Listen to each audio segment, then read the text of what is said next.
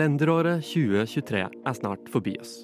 Og i sesongens siste episode av Opplysningen skal vi oppdatere deg på et utvalg av årets mest spennende saker, hvor vi har vært, og kanskje også hvor vi er på vei. Dette blir spennende. Følg med!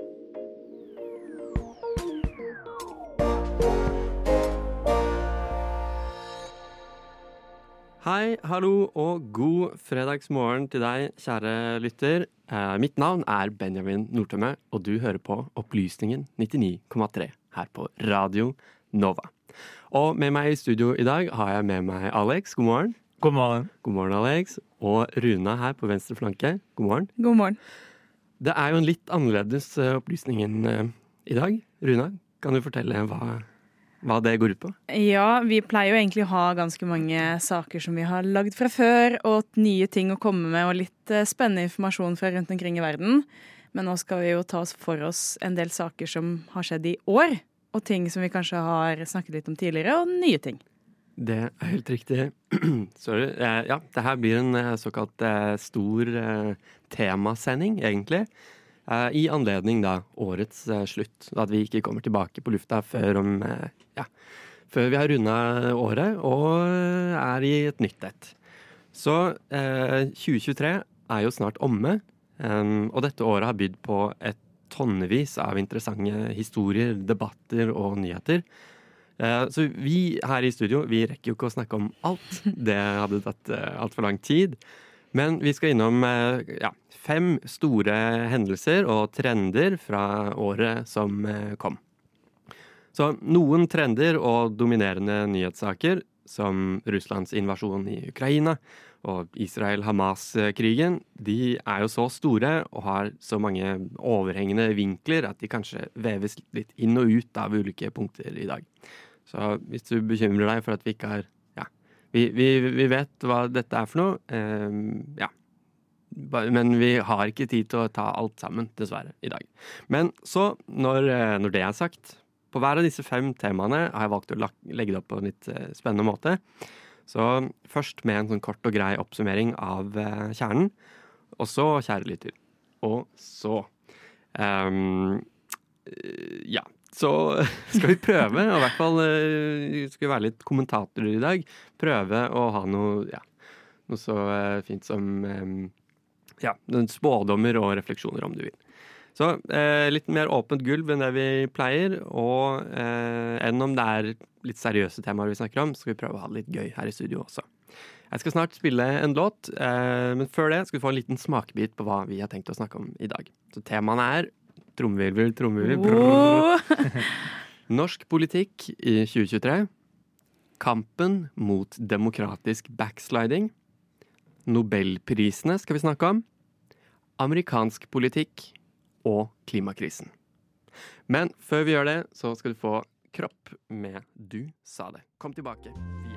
I want to talk about what for me is the deeper meaning of Christmas because it's not about presents or turkey or brandy butter, much though I like all of that kind of stuff. It's about Opplysningen på Radio Nova. Det kan stemme det, eh, at jula handler om opplysningen 99,3 her på Radio Nova. Det er mulig. det er mulig. Vi har ikke snakket med Boris Johnson om det, men eh, ja. kan hende. Yes, ok. Vi skal inn i første materie, og det kan hende vi snakker litt fort i dag, for vi har mye å dekke, mye vi skal innom. Så som jeg lovet, norsk politikk i 2023. Jeg skal bare ta noen korte stikkord først, og så skal jeg spørre mine medverter om hva vi, hva vi har tenkt på dette året. Stikkord Fosen-saken. Habilitetsskandalene. Tonje Brenna, Trettebergstuen, Erna Finnes, Ola Borten Moe. Kriseår for statsminister eh, Jonas, som sliter med lav, eh, lave meningsmålinger og borgerlig valgseier i kommunevalget. Det var bare en kjapp liten sånn eh, stikkordoppramsing. Men Alex, hvis jeg får spørre, spørre deg, hva, hva har fascinert deg aller mest eh, i norsk politikk i 2023? Um, jeg tror kanskje da jeg vil nevne to ting. Uh, du var litt inne på det. Uh, både det at uh, året har vært så prega av politiske skandaler, har, Vi har vel knapt sett maken, egentlig, i, i nyere norsk historie. Og så er det òg det med lokalvalget, som, hvor man fikk et veldig sånn brått skifte, egentlig. Fra at valgene i 2019 og 2021 var preget av en litt sånn eh, venstrevind. Og nå snudde det helt om i 2023 med en eh, veldig blå bølge, kan man eller kanskje kalle det. Ja, vi sitter jo her i Oslo kommune. eh, For, for øvrig også Oslo fylkeskommune og Oslo by. Men så her har det jo blitt eh, skiftet byråd. Mm. Eh, Raymond Johansen er ikke lenger eh, top dog. Så har vi fått inn en, en borgerlig koalisjon der, som styrer denne byen, denne byen eksempel. Eh, så her eh, Ja, å snakke om en blå vind, eh, eller en borgerlig vind, det er det jo Det vet jeg man gjør på borgerlig side. Det er litt sånn noe man eh, har, har litt forhåpninger til. Litt sånn eh, ja, en del eh, ja, en del forventninger til da, at jeg skal bringe, bringe dem til makten neste gang. Runa, hvordan vurderer du det? Jeg må innrømme at jeg syns ikke dette er så overraskende. Nei. Jeg, eh, når borgerlig side vant, så var det sånn Ja, jeg hadde et eh, veddemål med en venninne hvor jeg tapte én del og vant en annen del. Og den eh, delen jeg vant, var at jeg sa at Høyre kom til å bli det største partiet. Uh, og jeg syns ikke dette er noe overraskende. Jeg syns um, Erna har gjort gjorde en ganske god profil under pandemien. Eh, hun har altså man kan si hva man vil om den habilitetssaken hennes også, eh, om Sindre Finnes og hele det greiene der. Men hun innad i Høyre og på høyresida har jo klart å redde seg helt vanvittig inn, og står fortsatt beinstøtt som leder i Høyre. Eh, og det kan jo godt hende at de vinner på det. Ja. At det faktisk er mer populært enn det vi har lyst til å innrømme. At hun er en sterk, stødig og, og tydelig leder, da. Ja, Til tross for at eh, hun ofte ikke alltid svarer på spørsmål og sånt. da. Kanskje Men ja. litt vanskelig å skulle definere hvor, hvor kommer dette fra. Hvordan, eh, hvordan blir man stødig og stabil? Eh, men det jeg vet mange kommentatorer har, har tenkt på, er det er kanskje en sånn vesensforskjell i hvordan Arbeiderpartiet og Høyre funker. da. At det er i Høyre færre Eller mindre preg av eh, det man kaller sånn blokk... Eh, eller liksom Blokkuavhengighet. fløykamp. Ja. ja, Ja, eh, ja, fløykamp da, inni, inni partiet. At det er mindre sånn åpenlyst at du har en annen sånn eh, eh, Litt sånn Trond Giske-aktig karakter i Høyre som ønsker å dra partiet i den retningen, og så har du en annen eh, liksom Ja. Ja, Altså- kanskje utad, men jeg syns ikke det virker sånn innad i Høyre. Nei, altså sånn Innad i Høyre så syns jeg at det, virker som at de har kamper der også. Noen vil dra lenger mot på en måte Venstre og KrF sine eh, tanker og meninger, Mhm. mens andre har mye mer lyst til å dra lenger til Frp sine holdninger og politiske endringer. ja. Sånn at jeg syns ikke nødvendigvis at de har noe mindre kamp enn Arbeiderpartiet. Det har bare vært en annen måte å takle skandalene på, og en annen måte å snakke om det utad på, som jeg ikke helt klarer å sette fingeren på. Vet ikke om du er enig med meg, Aleksander? Ehm, jeg, jo, jeg tror jeg følger deg et godt stykke på vei. Uh, samtidig så føler jeg kanskje at det fløykampen i Høyre var kraftigere før. Eh, at man kanskje hadde en kraftigere det, eh, drag, uh, dragkamp kanskje mellom for eksempel de verdikonservative og de litt mer liberale i partiet før, og de som du sier, de som dras mot Frp, de som dras mot sentrum. At det kanskje har blitt dempa litt grann de siste årene. Og så har du òg den forskjellen at Erna har så enormt dominerende posisjon i partiet nå, har vært leder i nesten 20 år.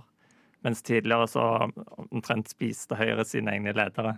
De skifta de ut eh, hele veien. Så der har det vært en liten endring. der. For det Ja. er jo påfallende at det ikke har vært noen stor eh, konkurrent mot Erna fra eget parti. At det ikke har kommet noen som har sagt eh, opp, Altså som har eh, rett og slett eh, utfordret henne på leder, som ledervervet. da. Der har hun full tillit. Der har hun full Det tillit. er interessant å se på. Så du har egentlig forsket på høy, Høyre-ledelsen og de siste Mm. hva blir det, åtte-ti årene eller noe sånt. Ja. Som et egen eh, case-studie. Og så syns jeg det er fascinerende at når det kommer til disse habilitetssakene, så har hun klart seg såpass bra, i hvert fall på innad på høyresida. Jeg vet jo om mange på venstresida som kanskje er litt sure og mener at hun burde gå, og mener at hun ikke egner seg som statsleder hvis Sindre skal få lov til å bo i samme bolig som henne og sånne ting. Eh, og det kan man jo si hva man vil på, men hun er fortsatt leder av Høyre. Ja, så det er mange som klør seg litt i hodebunnen, og det gjør klart eh, Det gjør vi her i studio også. Det er Ja. ikke helt lett å bli klok det er når politikkens verden også er litt sånn det, det er jo ting som foregår i det skjulte, som er litt unndratt offentligheten. Eh, det er kanskje et av de store temaene i 2023, at vi egentlig mm, har kanskje fått testa, fått det litt på prøve med habilitetsskandalene. Eh, blant annet da, så er det jo mye Det store stikkordet der er jo tillit. Eh, Mm. Vi i Norge er veldig liksom, tillitsbaserte, eller eh, Vi sies å være et, sånt, et, et samfunn med høy tillit. Da. Høy grad av tillit til hverandre. Og tillit til institusjoner og politikere. Men vi har det jo fortsatt. Det har vært gjort undersøkelser nå rett før de største skandalene, da, eh, med at vi fortsatt, selv etter pendlerboligsaken, selv etter reiseregninger, har stor tillit til politikerne våre. Eh, og det som blir spennende å se, er jo har vi like stor tillit etter alle disse habilitetssakene. Jeg vet ikke hva du tenker, Aleksander? Jo, det er et ganske interessant eh, spørsmål. For det, det virker jo å være ganske stor bekymring nå i samfunnet for at eh, tilliten blir veldig svekka. Men som du sier, så eh, hvis undersø eh, undersøkelser viser at det, ikke- har svekka seg så mye så langt, så er kanskje tilliten da ganske robust. Så ja, kanskje, kanskje det er mest de enkelte politikerne det går utover, og ikke så mye systemet. Mm. Det blir, det blir veldig interessant å se hvordan det utvikler seg. Mm. Vi kommer til å følge med mer eh, inn i eh, neste år. Det er eh, altså Det er ikke forelagt noen tvil eh, om at det er det vi kommer til å gjøre. Så eh, får vi bare anbefale at du også følger litt med, eh, kjære lytter. Jeg vet du er interessert i eh, ting som foregår rundt og eh, ja, politikk eh, i, eh, i vårt land, Norge. Vi er nødt til å gå og kutte til låt her. Vi skal få Morning Coffee med Kristoffer. Doktor, doktor! Hva feiler det meg egentlig? Jeg beklager å måtte fortelle at du er ignorant. Ignorant, sier du? Finnes det noen kur for det? Jeg kommer til å gi deg resept på 99,3 milligram av opplysningen. Du må ta den hver fredag fra 10 til 11. Det skal jeg gjøre. Takk, doktor. Gjør som meg, ta litt opplysningen 99,3 til eh, morgenkaffen. Um, vi er inn i neste materie. Som sagt, dette her går jo radig. Um, ja. Kampen mot demokratisk backsliding. Det høres ut som en tittel eh, på en eh, utrolig spennende bok. Men det det også er, er jo helt ekte en, em, et fenomen som preger mange demokratier rundt omkring i verden. Democratic backsliding. Og hvis du vil ha en lengre forklaring på det, så kan du søke på Spotify eller der du ellers hører podkast. Google eller plott inn der eh, 'democratic backsliding'. Så har vi laget et større, en større sak i større format om, om dette fenomenet. Ja. Stikkord. Her har vi noen stikkord. I Polen så ble Donald Tusk eh, nå nylig innsatt som ny statsminister. Og det regnes av mange som en seier for demokratiet. I Øst-Europa for øvrig har vi en ganske kjent eh, skikkelse med navn eh, Viktor Orban. Eller Orban-Viktor, som de sier i Ungarn. De har annen rekkefølge på det. Eh, det var jo fryktet at han skulle mm, eh, blokkere eh, disse samtalene om Ukrainas EU-medlemskap. Og det ser altså nå til å ha ikke vært sant. Ukraina kunne vi høre i går. Ukraina og Moldova blir tatt opp til medlemssamtaler med, ja, med Den europeiske union. Det også regnes som en slags seier for demokratiet da, i denne kampen versus eh, ja, auto, autorit, ja, eh, demokrati versus autoritære krefter.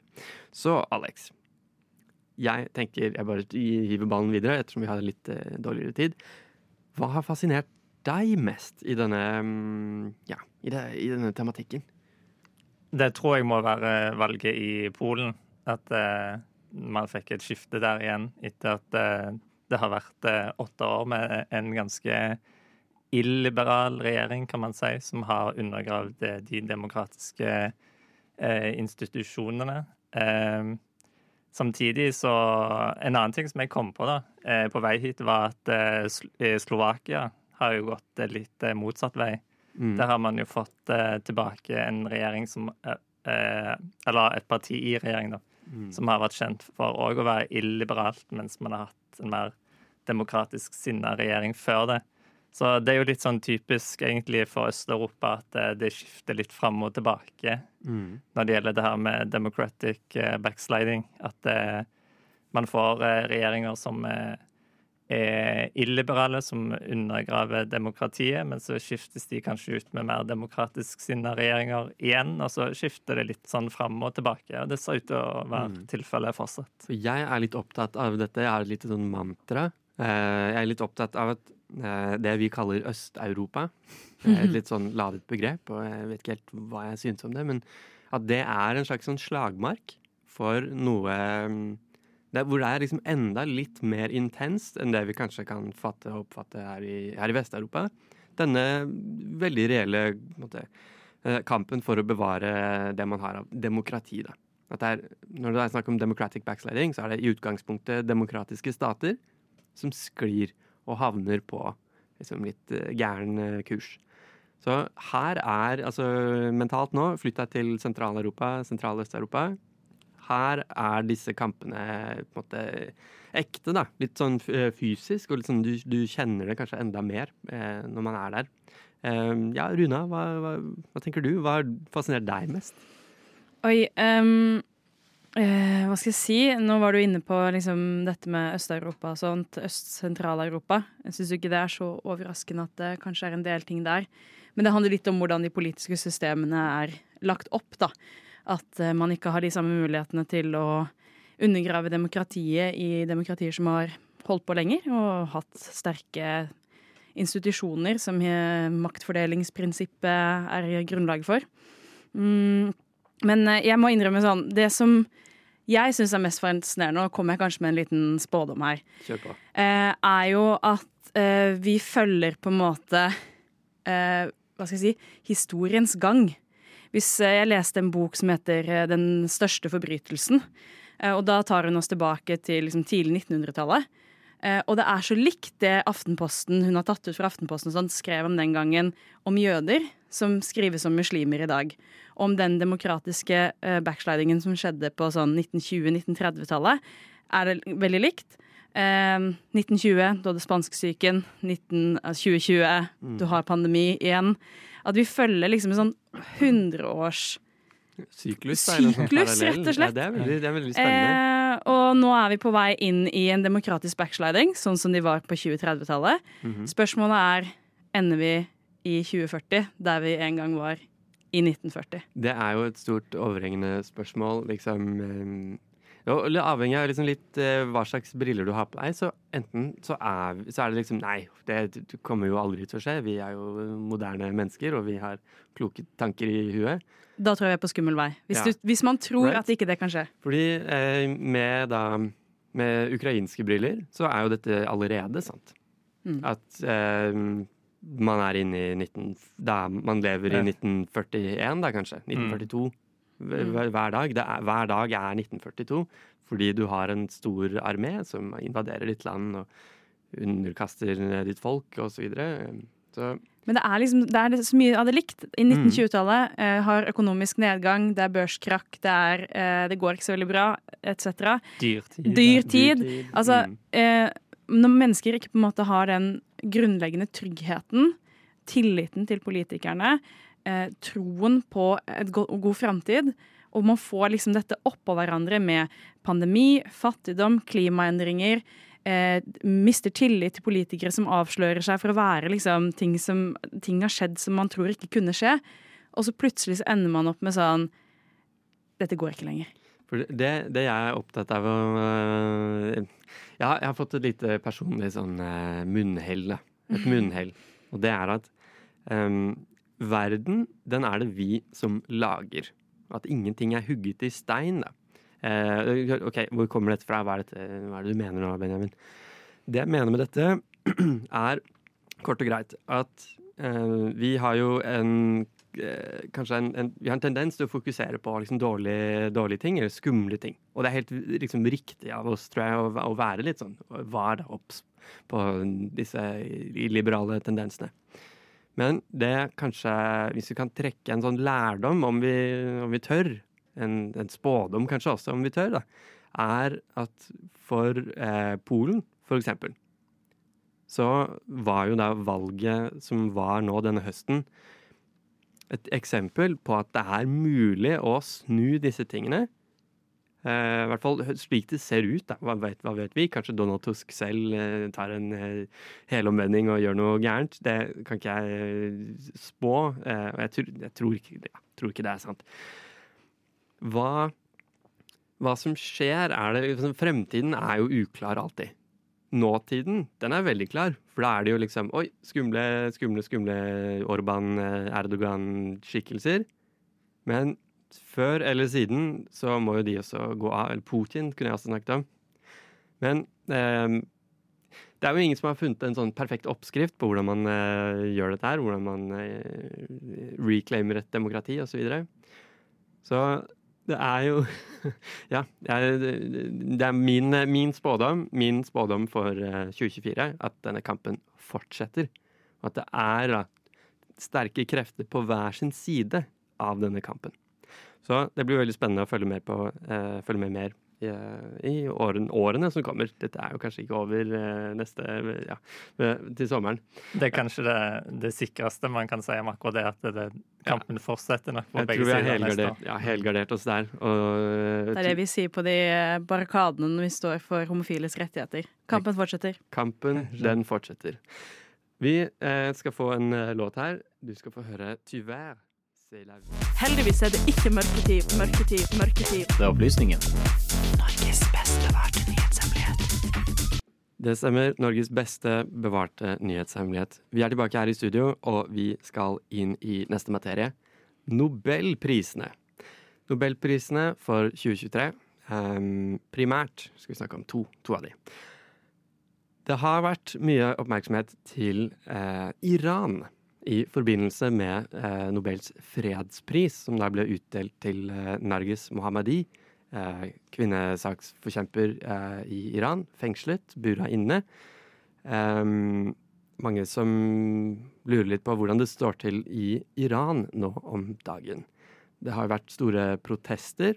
jeg ser på min Instagram-feed eh, til stadighet eh, folk som danser dansevideoer som er uh, ulovlige, eller som, hvor folk får uh, sanksjoner. Folk får strenge liksom, bøter og besøk av sikkerhetspoliti og sånn hvis de danser for happy og for glad på, på kamera. ja. Hijab-plikten, moralpolitiet. Dette er store stikkord som ja, kan lese mer om senere. Og så har vi en annen nobelpris i litteratur. Eh, og den gikk da til Jon Fosse. Nynorskbruker eh, og eh, dreven forfatter. norsk litteratur der fikk satt seg på kartet, verdenskartet.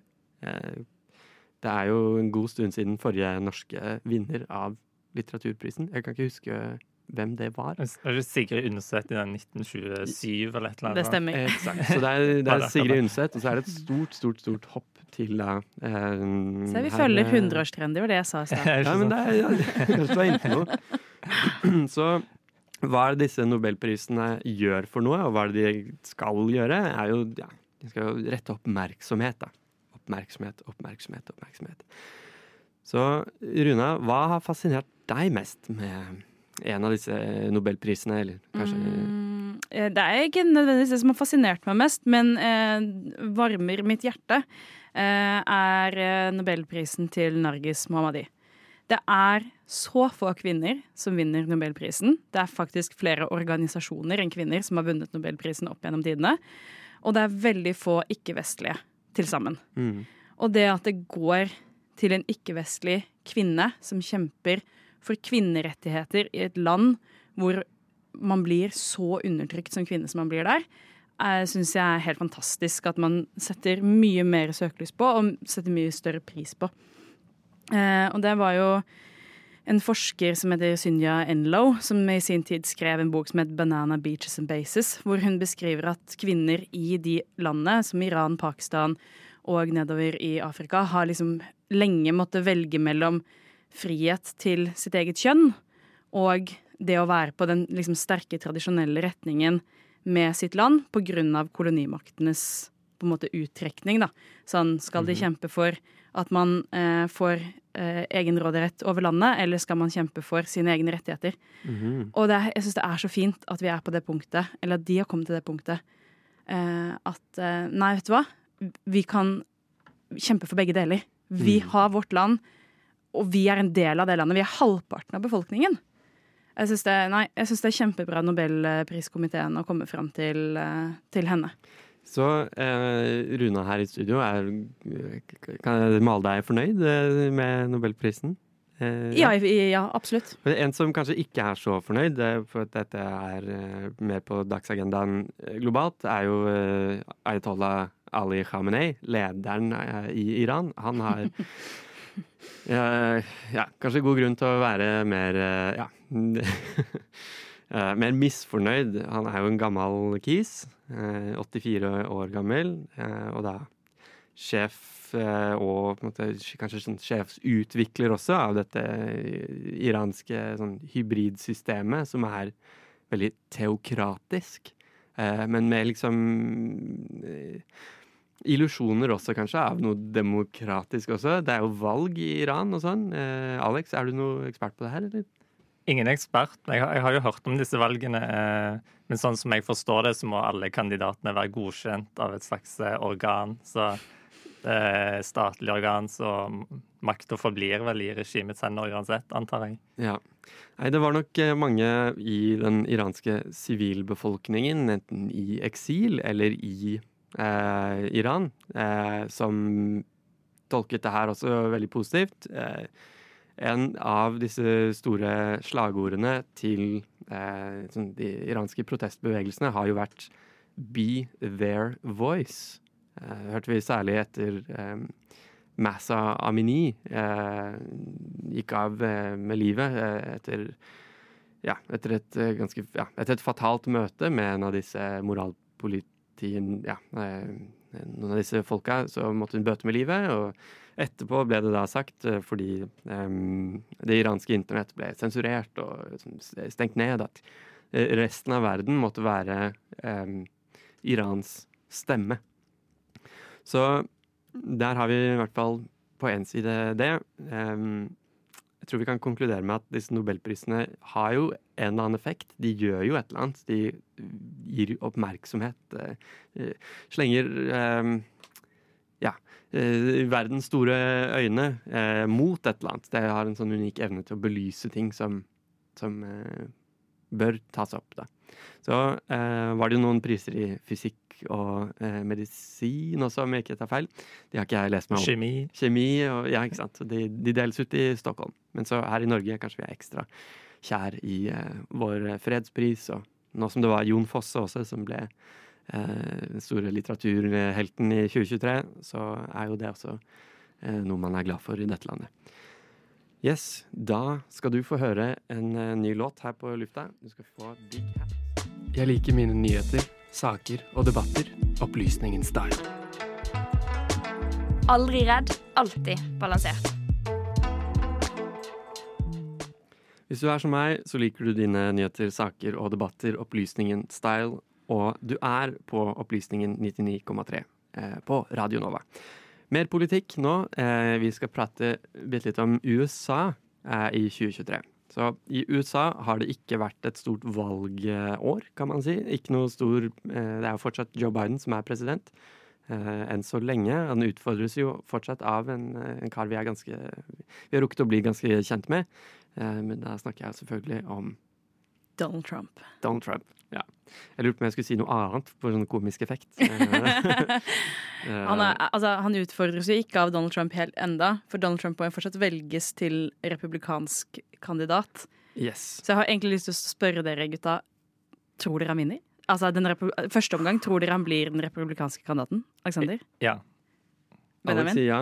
Jeg er litt mer usikker nå. Jeg har alltid vært veldig eh, jeg har, Før en gang i tiden, kanskje for eh, to-tre måneder siden, så ville jeg også svart ja. Nå er jeg litt mer usikker. Hvis jeg da sier at han vinner, tror dere han vinner over Biden? Alexander? Well. Da er jeg veldig usikker. Da tror jeg det kan være litt 50-50. Ja. Den, den eh, matchen der har jo vært en gang før.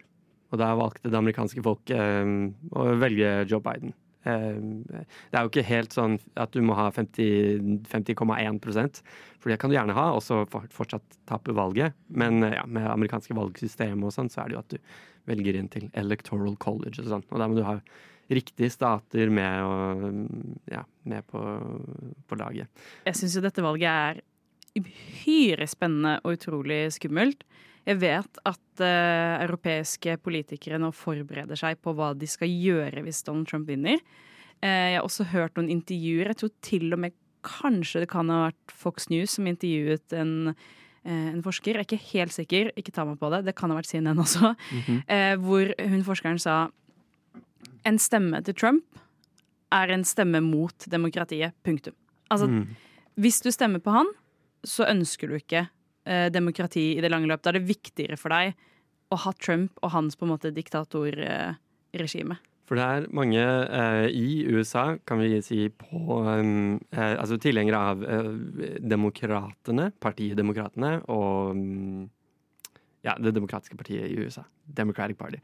Og folk som ligger kanskje enda lenger til venstre, som også mener nå og har ganske gode bevis, da, ganske godt hold for den påstanden, at eh, ja, om Trump vinner valget, så blir han en diktator. Fordi altså, i, i, i mål og mening og i signalet så har han gitt alt og tyder, alt tyder Man har jo på det. prøvd. Ja. Altså, han prøvde jo for noen år siden å ikke legitimisere, legitimere, unnskyld, legitimere valget til Biden. Han prøvde jo, han oppfordret jo til å, til å gå til angrep. Og han har jo også i en debatt med Hillary fått spørsmål om dersom du taper dette valget, den gang da mot Hillary, uh, Hillary, så var det sånn, mot Clinton, så var det Dersom du taper dette valget, kommer du til å gå på en måte frivillig? Mm. Og så sa han vi får se. Mm. Det er kjempeskummelt. Jeg skjønner ikke at flere ikke er redd denne mannen. Eller kan du skjønne det, Aleksander? Eh, nei, eller altså for, fra vårt eh, demokratiske norske perspektiv kan man kanskje si så er det litt eh, vanskelig å forstå. Men eh, det amerikanske samfunnet er vel litt annerledes. Eh, ja, jeg vet ikke helt hvor stor eh, og folk oppfatter den trusselen mot demokratiet fra han i, i USA. Hvordan Ja, det er. Men det er jo noe som kanskje speiler også hva slags mediediett du har i USA. Det er jo noe som er veldig det er jo tendenser til ting i Europa også som, som peker litt i samme retning. Polarisering. At vi har veldig, veldig polar... Altså at du har sånne, eh, sånne filterbobler. Da, at du, hvis du er republikaner, så hører du bare på republikanere. Stoler ikke på noen andre. Og vice versa. Hvis du er demokrat. Republikanerne er jo skumle eh, ja, skumle fascister der, liksom. Skal ta over landet. Så når eh, Når vi snakker om dette i eh, andre deler av verden, så er det jo vi, Dette er jo oppe hele tiden. Kanskje folk er litt lei, til og med. Jeg vet ikke. eh, om eh, å høre om Trump og Biden og hvor, eh, ja, hvor dette er på vei hen. Og jeg tror at hvis vi skal si noe som ikke er sagt så mye før eh, Her er min lille spådom eller refleksjon. Da. Så er det jo at det, som Runa var inne på her, at det er ikke helt gitt at det er Donald Trump som blir republikanernes eh, kandidat. For det skal være en sånn Republican National Congress, som skal da velge seg republikanernes sterkeste kandidat, eh, som da eh, liksom høvelig skal stå i debatter og eh, de skal være Mm. snille med hverandre og ja, prøve å vinne frem. Eh, og mange peker jo kanskje nå på at det er kanskje enda klarere enn før. En utfordrer, i hvert fall i Nikki Haley. Eh, ja, så har man jo Ron DeSantis også. Eh, enkelte andre skikkelser som fort kan tenkes å seile opp forbi eh, Donald Trump dersom han eh, regnes som liksom for utilregnelig og for eh, kaotisk, da, selv Mm. for det republikanske partiet. Sånn helt eh, avslutningsvis. jeg tror at valget av presidentkandidat vil være helt avgjørende for hva slags parti republikanerne har lyst til å være. Det er nok Punktum. noen eh, det er, Ja, der er det et punktum. Kanskje et utropstegn også, Mm. tenker nå jeg. Mm. All right, vi får eh, runde av. Vi får gå videre. Vi skal få en eh, låt. Perhaps you would like a marmalade sandwich. I always keep one for emergencies. So do I. I keep mine in here. Opplysningen. Perfekt til syltetøysmørbrødet. Det stemmer. Håper du spiser et uh, syltetøysmørbrød hvor enn uh, du er i verden. Vi uh, skal snakke om noe annet. Ikke syltetøy, syltetøysmørbrød, overhodet ikke. Men klimakrisen. Klimakrisen, klimakrisen, klimakrisen. Ja. den er ekte, og den sliter vi med. Vi har et sånn felles universalt verdensbasert stort forsøk på å prøve å gjøre noe med dette. Og nylig så møttes eh, ledere fra hele verden møttes i Emiratene, i eh, Abu Dhabi, for dette COP28, toppmøtet, som skal følge opp eh, Parisavtalen. Eh, sørge for at vi er på, på vei og eh, i tråd med våre forpliktelser. Eh, ja, disse forpliktelsene som landene har i Parisavtalen, de er da liksom frivillige. Det er ikke noen mekanisme som kan straffe f.eks. Sverige eller Norge hvis, eh, hvis, de ikke gjør eh, som de sa. Så Det er en litt sånn eh, frivillig basis og en sånn mekanisme da, som, som, finnes der. Vi har hatt store demonstrasjoner som har, ting, har noe med, med, klima å gjøre. Det er til stadighet liksom, Den globale miljøbevegelsen har også hatt et stort år, denne, dette 2023. Mm, Just Stop Oil det har vært uh, oransje maling på forskjellige uh, malerier og monumenter rundt omkring. Vi har hatt Fosen-saken her i Norge. Klima som tema er jo definitivt kommet for å bli, men spørsmålet er kanskje også om det blir om det er mindre viktig for velgerne, er det mange her i Norge som klør seg litt i hodet på. Så samtidig som temperaturen stiger, så er det sist å være litt mindre, for, mindre viktig for velgerne her i Norge. Runa, mm. hva har fascinert deg mest? Oi um, Hva som har fascinert meg mest uh, Eller uh, ja, skremt deg med, Nei, vet du hva, vet hva, Det som har fascinert meg mest, er at uh, politikerne kan stå i en debatt i Norge, bli spurt om hvem som tror at vi kommer til å nå målene våre, og så er det ingen som tør å si at vi gjør det. Altså, vi sitter med et panel av ledere i dette landet hvorav de ikke tror på sin egen politikk og evne mm. til å gjøre endringer for at dette skal bli bedre. Og det skremmer meg skikkelig. Jeg kjente at jeg ble, altså, ble, jeg ble sint bare jeg snakker om det. Ja, nei, det går ikke an. Det er jo ikke noe som kanskje, det er ikke verdens mest lystbetonte emne, og så fyller det oss ikke helt med den største optimismen. Jeg skjønner at det ikke det går, altså det er mm. vanskelig internasjonalt, men mm. at ikke du har troen på din egen nasjonale politikk for å endre på de klimaendringene, mm. Jeg syns rett og slett, nå skal jeg være litt hard mot dem, jeg syns de skal skamme seg. Akkurat sånn som Greta Thunberg sa. Ja. Shame on you! Nemlig. Det går ikke an. Jeg vet ikke om du er like engasjert, Alexander, men jeg blir kjempesint. Ja, Alex, hva har fascinert deg mest? Hva er det du tenker på når du, når du reflekterer på klima, klimaåret 2023?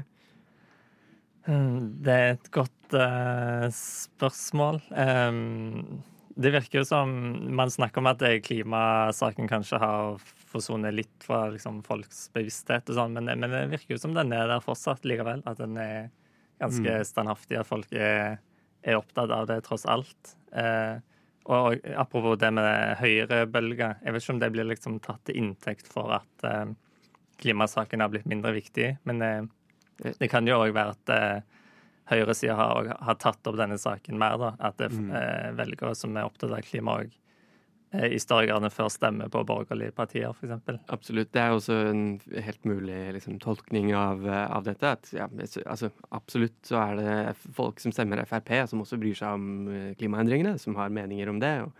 Men kanskje andre meninger og andre liksom, veier til rom da, eh, enn en MDG ville hatt. Men disse, den polariseringen på sånn, klimaspørsmålet er jo veldig, veldig relevant og veldig aktuell.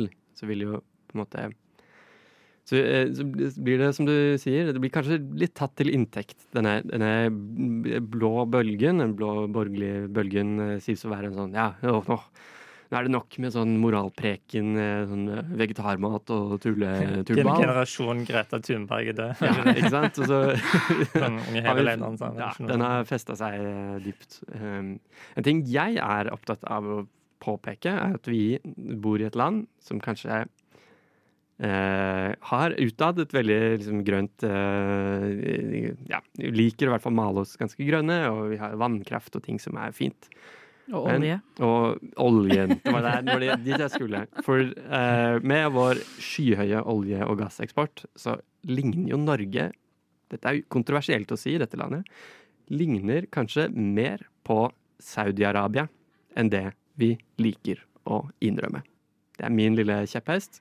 Too bad. Gjør noe med det, da. ja, ikke sant? Hvis du ikke liker å være sånn eh, ja, petrostat, kanskje det er noe å gjøre med det.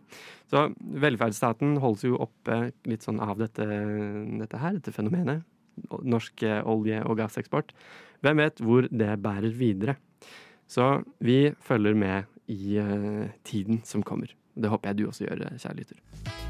Opplysningen. Hver fredag Du skal si 10 til 11? og så skal jeg si Nei, men hvis, hvis opplysningen hver fredag 10 til 11 på radioen. Ja, okay. Ja, det er fint. Du har hørt på Opplysningen 99,3. Eh, vi er ikke fredager eh, fremover, for vi skal ta eh, juleferie. Men takk for at du har vært med oss denne litt uvanlige sendingen. I studio har jeg vært Benjamin Nordtømme, og med meg har jeg hatt med Runa Årskog og Alexander Klyve Gudbrandsen. Det gjenstår bare én ting for oss å gjøre, og det er å ønske deg en hva skal vi si? Hva skal God si? jul. God jul. Og godt nyttår. En god jul og en, et eh, godt nyttår. Og happy holidays Happy for eh, holidays. alle som ikke feirer jul. Ja, eh, I dag er det fredag. Shabbat shalom til eh, Ja, og alt ettersom, eh, egentlig. All right. Da er, runder vi av her i studio. Takk for at du var med. Du skal få høre studentnyhetene nå straks, så bli på kanalen. Ha det! Takk for oss. Ha Takk det for oss. Ha Takk for det. oss.